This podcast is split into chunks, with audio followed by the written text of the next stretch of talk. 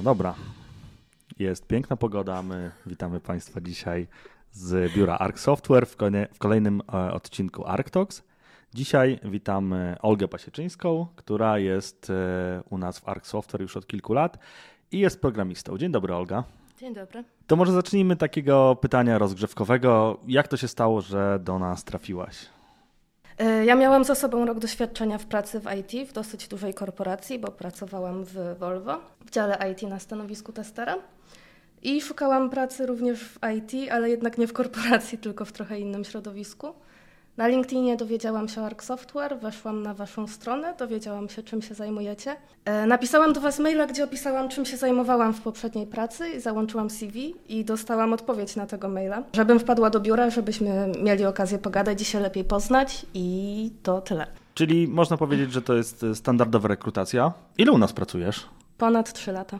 Hmm, to spory, spory kawał czasu. Czy może pamiętasz jeszcze swoje pierwsze dni w Arc Software? Było to 3 lata temu, ale myślę, że coś tam ci jeszcze pozostało w pamięci. E, tak, ja zaczęłam pracę w Arku na stanowisku testera manualnego w projekcie dla klienta ze Szwecji. Też niedługo po rozpoczęciu pracy miałam, a właściwie oboje mieliśmy, bo byliśmy razem w tym projekcie, okazję kilkukrotnie polecieć do Göteborga, do Szwecji i pracować tam z klientem na miejscu.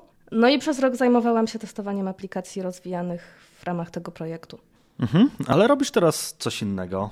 Jak to wygląda i czym się obecnie zajmujesz w Arc Software? E, obecnie jestem backend developerem, pracuję w technologiach Node.js i AWS. Wcześniej w moim poprzednim projekcie również w Arku programowałam w Javie. Wow, to jest y, taka nietypowa historia, ponieważ dość szybko, w przeciągu trzech lat, trzykrotnie zmieniłaś stanowisko, zmieniłaś też y, pewnie trzykrotnie język programowania, wielu rzeczy uczyłaś się od nowa w tak krótkim czasie. Jak wyglądało takie przejście właśnie od testowania przez Java do Node.jsa, bo są to technologie wszystkie oczywiście związane z IT i z programowaniem, ale dość odległe od siebie mimo wszystko. W trakcie pełnienia roli testera w Arku i mając jakieś podstawy wyniesione ze studiów informatycznych na Politechnice, zaczęłam się uczyć Java. E, zaczęło się od aplikacji pisanych dla siebie, które oczywiście nie trafiały do klienta, trochę w czasie pracy, a trochę po godzinach w domu. Później przeszłam już do implementacji tasków na backendzie w ówczesnym projekcie. E, no i na początku zeszłego roku pojawiła się okazja, żeby zmienić projekt, co wymagało przyswojenia Node i TypeScriptu. Więc pracując jeszcze na starym, w cudzysłowie, projekcie, zaczęłam ogarniać JavaScript i TypeScript, potem Node. A jeśli chodzi o AWS, to tak naprawdę pierwszy raz miałam z nim styczność już na nowym projekcie. No, szy, szybkie przejście, chyba rzadko się to zdarza. No i wydaje mi się, że takie, takie przejście wymaga dużego samozaparcia od takiej osoby. Tu słyszeliśmy już kilka historii u nas na podcaście osób, które e, zmieniały swoją branżę, a także uczyły się same programowania lub też na studiach, ale od większości z nich właśnie słyszałem to, to zdanie, co od ciebie, to znaczy, że to wymaga wiele pracy w, w domu po godzinach i że rozwój i nauka to nie jest tylko to, co się robi w pracy, ale to, co się robi też y, na zewnątrz. Mhm. Ale tu mi przychodzi przykład, który wielokrotnie słyszałem w różnego rodzaju podcastach o Robercie Lewandowskim, który właśnie dużo osób podaje go jako przykład osoby, która e, pracowała będąc y, w Polsce i, i grając w niższych ligach jakby tego typu człowiek powiedział, no nie chce mi się teraz pracować, jakbym, jak będę w Barcelonie, to, to, to będę wtedy pracował i, i osiągnę dużo, no to do, takiej Barcelony nigdy by się nie dostał i uważam, że twoje podejście i podejście wiele osób od nas firmy, z którymi już też nagrywaliśmy podcasty, na przykład z Markiem, z Jankiem, bardzo się opłaca w dłuższej perspektywie. Także bardzo fajnie, że ta twoja ambicja zaprowadziła cię do tego miejsca. Oprócz tego też uważam, że bardzo fajnym modelem, także polecamy wszystkim innym pracodawcom, jest fakt, że osoby mogą uczyć się częściowo w pracy, a częściowo w domu. Taki rozwój pracownika daje firmie bardzo dużo, dlatego też część czasu podczas pracy powinien poświęcić na rozwój, a że to też jest coś, co zostaje u pracownika, uważam, że taka wiedza też powinna być rozwijana w domu i to jest taki bardzo fajny balans pomiędzy pracą a własnym rozwojem. A powiedz mi jeszcze, jak twój proces nauki wyglądał? Z czego się uczyłaś? Bo mówiłaś, że, że byłeś też na Politechnice, no ale takie rzeczy, o których teraz mówisz, czyli Node.js, Java, AWS, czyli to, co robimy w projektach, to nie jest domena chyba polskich uczelni. Mm, no nie jest. Ja głównie opierałam się na kursach na Udemy, ale też trochę na materiałach dostępnych na YouTubie i blogach. E, na pewno sporo pomogło to, że to nie był mój pierwszy język programowania. Bez tego myślę byłoby o wiele trudniej. E, no i zajmowałam się tym regularnie, można powiedzieć, że codziennie, ale zdecydowaną większość tych materiałów przerabiałam w domu po godzinach. Super, bardzo fajnie i widać, że się opłaca. Ale dzisiejszym tematem nie jest Twój rozwój i nie jest to, co robiłaś na Politechnice, ani, ani po godzinach. Dzisiaj chciałam porozmawiać z Tobą o mentoringu, o którym się dowiedziałam, że robisz. Czyli z tego, co wiem, pracujesz w fundacji, pomagasz innym osobom, chyba konkretnie kobietom, rozwijać się w, w IT. E, powiedz mi, od kogo dowiedziałaś się o mentoringu i jak to się w ogóle stało, że się zdecydowałaś na to, bo to jednak jest poświęcenie komuś swojego wolnego czasu za darmo. Jak wiadomo, czas programisty jest cenny. E, dowiedziałam się od koleżanki o istnieniu Steam Academy, który jest programem mentoringowym. E, spodobał mi się pomysł i misja tego projektu i zaaplikowałam do drugiego etapu pierwszej edycji. Sama aplikacja odbywała się przez formularz Google, w którym trzeba opisać swoje dotychczasowe doświadczenie zawodowe plus obszary, w których chcemy pomóc rozwijać się e, kursantkom. Mhm, czyli fundacja nazywa się Steam Academy, tak? Girls Code Fan. Mhm. Powiedz mi, mm, co to jest w ogóle za fundacja? Mm, jak ona działa? Na czym polega jej zasada działania? Jak jest duża? Czy mieści się w Polsce? Bo mm, powiem szczerze, że ja nic o niej nie wiem i myślę, że większość osób, które nas słuchają, także nie miały styczności z tą fundacją. To jest fundacja założona 9 lat temu w Warszawie y, przez kobiety, mająca na celu motywowanie i zachęcanie dzieci w wieku szkolnym, szczególnie dziewczynek, ale też dorosłych kobiet do zdobywania wiedzy w zakresie nauk ścisłych, w tym nowych technologii. Y, w ramach różnych projektów w tej fundacji, zarówno lokalnych i międzynarodowych, mentorzy uczą programowania i przekazują umiejętności umożliwiające lepsze zrozumienie nowych technologii. O samej fundacji dowiedziałam się parę lat temu jeszcze na studiach, ale wtedy nie miałam z nią bezpośredniej styczności. Natomiast jednym z projektów realizujących założenia fundacji jest właśnie Steam Academy, które tak naprawdę jest podzielone na dwa etapy. Pierwszy etap jest prowadzony w ramach kursów weekendowych odbywających się online. Tam mamy mentora i grupę kursantów. E, no i w trakcie tych kursów poruszane są różne tematy z zakresu programowania, zarówno backendu, jak i frontendu, grafiki, UX-a i umiejętności miękkich. I po tym wszystkim przechodzi czas na drugi etap, czyli sesje mentoringowe one-on-one. Z perspektywy mentorki wygląda to tak, że na etapie rekrutacji do projektu opisujemy swoje doświadczenia zawodowe i obszary, w których czujemy się mocne i jesteśmy w stanie pomóc rozwinąć się kursantce. E, na tej podstawie dziewczyny wybierają swoje top 5 mentorek i według tego jesteśmy parowane. E, czyli trafiłaś do top 5 mentorek? Dla kogoś tak. Okej. Okay. Opowiadałam o tym rano Markowi, mówił, że to jak na Tinderze. No, to rzeczywiście brzmi jak Tinder, ale no, grat gratuluję, bo jest chyba czego. A przepraszam, ale ci przerwałem. Okej. Okay. Sesje mentoringowe zaczynają się w zasadzie bez zbędnych formalności. Drogą mailową ustalamy datę, formę spotkania. Możemy spotykać się online lub na żywo, jeżeli ktoś ma takie chęci i możliwości. W zasadzie nie tworzymy tutaj ograniczeń geograficznych, a mentorki są z różnych części świata, nie tylko Polski. Kurczę, tyle ciekawych tematów poruszyłaś, że chciałbym cię podopytywać o pewne rzeczy. Powiedziałaś, że uczysz młode dzieci tak naprawdę, czyli można powiedzieć, że dopełniacie tutaj edukację szkolną. Kogo dokładnie uczysz? Do kogo jest skierowany dokładnie program? Program jest skierowany do uczennic warszawskich i podwarszawskich liceów, więc to są bardzo młode osoby między 16 a 18 rokiem życia, które stoją przed wyborem studiów i ścieżki zawodowej tak naprawdę. To jest chyba super moment, żeby zarazić e, takie osoby programowaniem lub e, zniechęcić i pokazać, że ta droga to nie jest dla nich droga na przykład. No tak.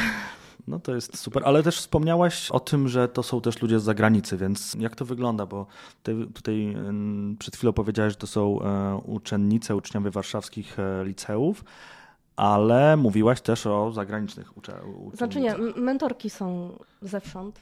Okej, okay, czyli macie uczennice w wieku licealnym, które przygotowujecie do studiów. Um, jaki dokładniej program tutaj realizujecie? Czego uczycie te osoby? Czy to są takie totalne podstawy, żeby tylko zarazić programowaniem? Czy w ogóle tam programujecie? I jak wygląda taki, taki przykładowy dzień zajęć lub kawałek, wycinek programu, który realizujesz? To zależy, bo na początku często wymieniamy się spostrzeżeniami, czym jest dla nas mentoring i jak każda strona go widzi i jakie oczekiwania ma kursantka względem tych pięciu albo sześciu miesięcy, które spędzimy razem.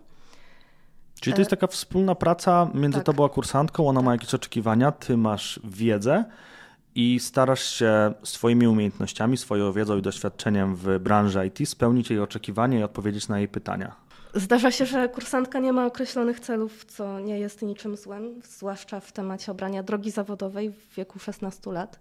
Szczerze nie wiem, ile osób w tym wieku potrafi świadomie dokonać takiego wyboru. No i wtedy naszym zadaniem jest podpowiadanie i naprowadzanie jej na to, jaki chciałaby mieć cel, pokazanie też, że ma sporo możliwości w IT. No właśnie myślę, że to bardziej chodzi o pokazanie możliwości, a taka osoba już sobie chyba cel znajdzie sama, jak będzie wiedziała, e, z czym to się je. Ogólnie same sesje i poruszane na nich tematy zależą właśnie od tego, co określimy, nakreślimy na początku. E, przy pierwszej edycji moją kursantką była dziewczyna, która była mocno zajarana backendem i poświęciłyśmy sporo czasu na techniczne zagadnienia. I też tam programowałyśmy wtedy i, i dawałam jej nawet jakieś zadanie, więc to trzeba Okej. Okay. A powiedz mi, czy masz może takie dane czy statystyki, ile osób e, po takich fundacjach rzeczywiście obiera drogę w IT? Czy nawet jeżeli nie masz dostępu do jakichś twardych danych z fundacji, to czy od innych e, kursantek, czy z własnego doświadczenia wiesz, co się z takimi osobami później dzieje? No nie mam takich statystyk ani informacji, natomiast po e, pierwszej edycji Steam wiem, że moja kursantka dalej planowała obrać tą drogę, z czego się bardzo cieszę. E, natomiast no, jeszcze na studia nie trafiła, no bo jest za młoda. No tak, no to jest dopiero liceum. A powiedz mi, e, bo to nie jest takie oczywiste i, nie wszyscy to robią co ty. Dlaczego wybrałaś taką, taką drogę? Co ci to daje, że, że jesteś w tej fundacji, że uczysz innych? No bo jednak e, nie oszukujmy się, czas programisty nie jest tani, w tym czasie pewnie mogłabyś więcej zarobić, jakbyś chciała. robić może własne jakieś projekty nawet prywatne. Dlaczego zdecydowałaś się na taką fundację w swoim wolnym czasie? Dla mentora to jest głównie szlifowanie umiejętności miękkich, bo sam mentoring wymaga dużej dawki cierpliwości, klarowania swoich oczekiwań i prostego przekazywania informacji oraz nawiązania współpracy między nami.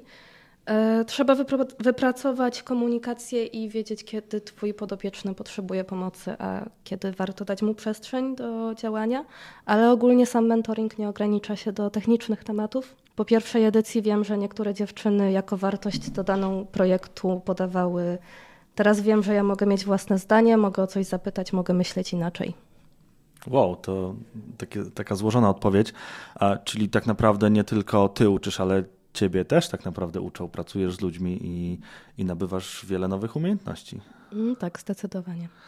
No i z drugiej strony to też nie jest tylko mentoring IT, ale to jest też taki mentoring e, przygotowujący do pracy. Takie osoby myślę, że dzięki temu, mm, parafrazując Twoją wypowiedź, będą mogły wcześniej wejść na rynek pracy, bo będą wiedziały, że mogą o coś zapytać, będą wiedziały, że mogą czegoś nie wiedzieć i to jest korzyść nie tylko techniczna dla obu stron. Tak, ja też się bardzo cieszę, że dziewczyny widzą taką wartość w tym projekcie. No, bardzo im pomagasz. Myślę, że będą miały o wiele, o wiele, wiele łatwiejszy start e, po takiej fundacji. Mam nadzieję. A pewnie po tym podcaście wielu słuchaczy będzie zastanawiało się, jak może wstąpić do takiej fundacji, jak może, jak może bezinteresownie pomagać. Powiedz mi, co taka osoba, która po wysłuchaniu tego podcastu a, musi zrobić, żeby dostać się do takiej fundacji? E, rekrutacja do Steam Academy odbywa się cyklicznie, nie przez cały rok, natomiast na stronie fundacji są opisane również inne projekty, którymi się zajmuję. A kiedy prowadzona jest rekrutacja? Pamiętasz może? Rozumiem, że teraz jakby ktoś mm. chciał dołączyć, to raczej ta rekrutacja będzie zamknięta. Czy pamiętasz daty? Czy to jest jesienią, zimą, czy może w jakichś konkretnych miesiącach? Zarówno pierwszy, jak i drugi etap zaczynał się na początku roku. Ja do drugiego etapu aplikowałam, myślę, że w okolicach listopada. Rozumiem, że większość informacji jest na stronie Steam Academy. Tak, jak najbardziej. No więc jeżeli ktoś jest zainteresowany, warto wejść na stronę Steam Academy i dołączyć do tej fundacji i pomagać innym się rozwijać. E, jak Olga wspomniała, mm, część rekrutacji prowadzona jest cyklicznie, ale jest też wiele innych projektów, także zachęcamy wszystkich do, e, do udziału. A Tobie, Olga, dziękuję za dzisiejszą rozmowę i dziękuję, że się podzieliłaś swoim doświadczeniem, a także, że to robisz. Myślę, że pomogłaś wielu osobom jesteś bardzo skromna i się tym jakoś mocno tutaj nie chwaliłaś, ale wydaje mi się, że jeżeli po Twoich y, zajęciach mentoringowych część osób znalazła swoją drogę w liceum, także myślę, że to jest, to jest duży sukces i gratuluję Ci bardzo. Mam nadzieję, że będziesz brała udział w większej ilości tego typu projektów. Dziękuję. I dziękuję Ci, Olga, za rozmowę. Dzięki. Mam nadzieję, że jeszcze nie raz Cię tutaj u nas usłyszymy. No nie wiem. nie, było super. Dzięki Olga. Trzymajcie się i do zobaczenia w kolejnym odcinku. Hej. Hej.